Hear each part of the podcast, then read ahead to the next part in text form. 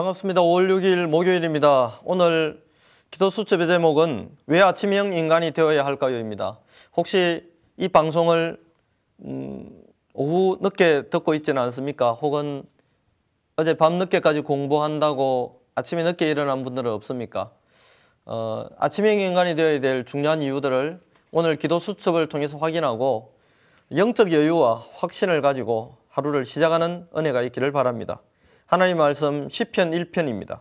복 있는 사람은 악인의 꾀를 따르지 아니하며 죄인들의 길에 서지 아니하며 오만한 자들의 자리에 앉지 아니하고 오직 여호와의 율법을 즐거워하여 그의 율법을 주야로 묵상하는도다. 아멘. 많은 사람들이 아침형 인간이 되기 위해서 결단들을 합니다. 어떤 분은 새벽형 인간이 되기도 합니다.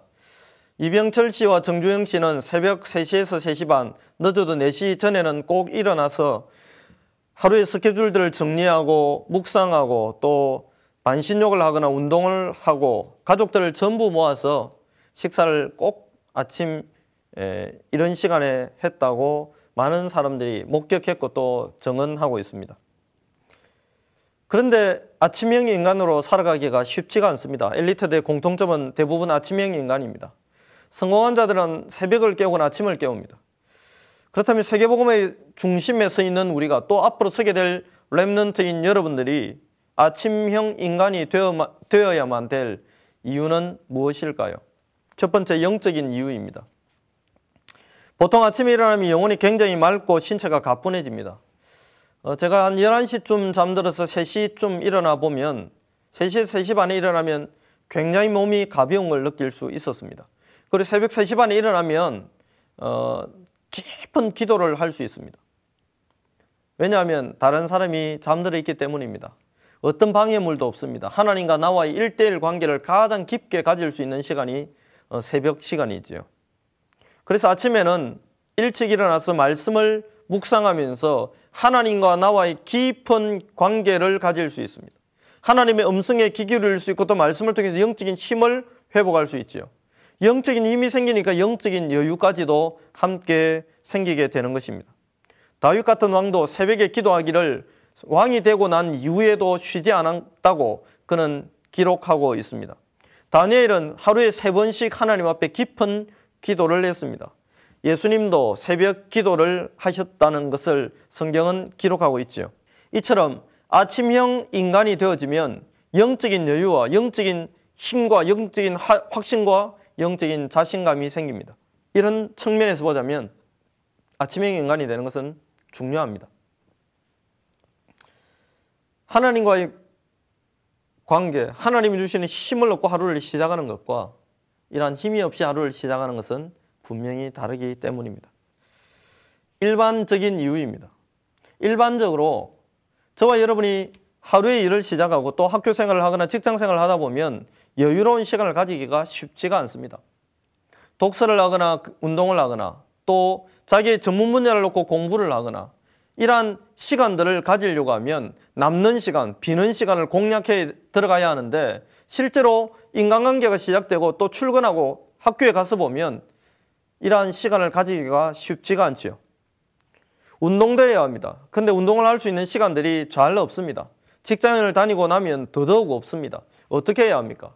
남들보다 조금 일찍 일어나서 몸을 위해서 운동을 하고 남들보다 조금 일찍 일어나서 공부하고 남들보다 조금 일, 일찍 일어나서 독서하고 이런 일반적인 부분들을 가지게 될 때 여러분은 삶의 여유를 누리게 되겠죠.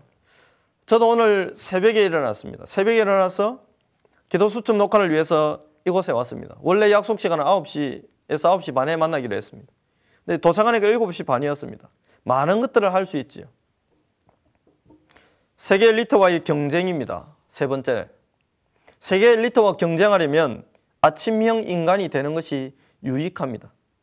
엘리트의 체질은 아침형 인간입니다. 특히 랩런트는 언약을 가지고 참된 엘리트의 규모, 복음 엘리트의 규모와 체질을 갖추어야 합니다. 저와 여러분이 경쟁하고 또 그들을 살려내야 될 대상들은 가난한 분들, 병든 분들도 있습니다. 그러나 엘리트들도 우리가 살려야 합니다. 그렇다면 그들의 삶, 삶을 리드할 수 있는 중요한 체질들은 지금부터 준비해야 합니다. 하나님은 저와 여러분을 세계복음의 큰 흐름 속에서 주역으로 불렀습니다. 그 주역이 될 준비들을 가슴을 열고 지금부터 하나하나 차근차근 해 들어가야 하겠습니다. 네 번째입니다. 시간 활용이지요. 복음 엘리트가 되기 위해서는 시간 활용을 잘 해야 합니다. 대기업 사장님들은 기사가 운전해주는 차를 몰고 대부분 출근을 합니다. 어떻게 보면 선수 운전을 해도 될 건데 시간 낭비, 돈 낭비를 하고 있는 것 같습니다. 그런데 이분들은 돈을 써서라도 얻고자 하는 게 있습니다. 그게 뭐지요?